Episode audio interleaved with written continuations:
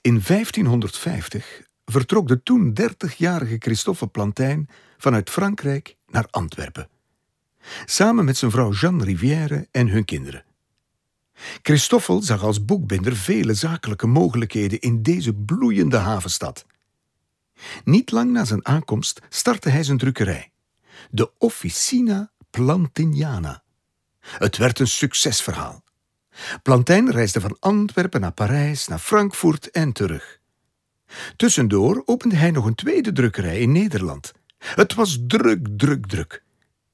Zijn tweede dochter Martine vond het niet altijd fijn dat haar papa zoveel afwezig was. Hoe zou je zelf zijn als meisje van 17 jaar? Liefste dagboek. Mijn papa is vandaag weer niet thuisgekomen.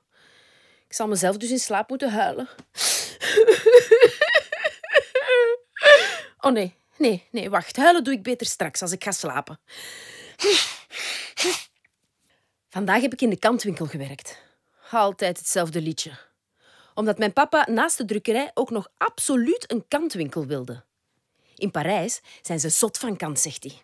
Ja, mensen maken zich daarvan kant om Vlaamse kant te kunnen kopen. Brengt veel geld in het laadje. En, eh, en dan, op mijn zeventiende verjaardag, zei papa... Martina, ja, hij noemt mij altijd Martina. Ik heb een schoon cadeau voor u. Vanaf nu ben jij verantwoordelijk voor de kantwinkel. Maar, maar ik wil helemaal niet verantwoordelijk zijn. Ik, ik wil onverantwoordelijk zijn. Ik ben, ik ben een puber. Mag ik ook eens zot doen, alsjeblieft, zeg?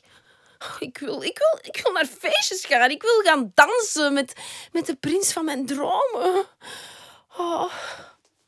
Oh, trouwens, dagboek. Ik heb hem gezien, denk ik. De prins van mijn dromen. Jan heet hij. Jan Moretus. En hij is zo knap. Ja, ja, daar wil ik wel mee trouwen.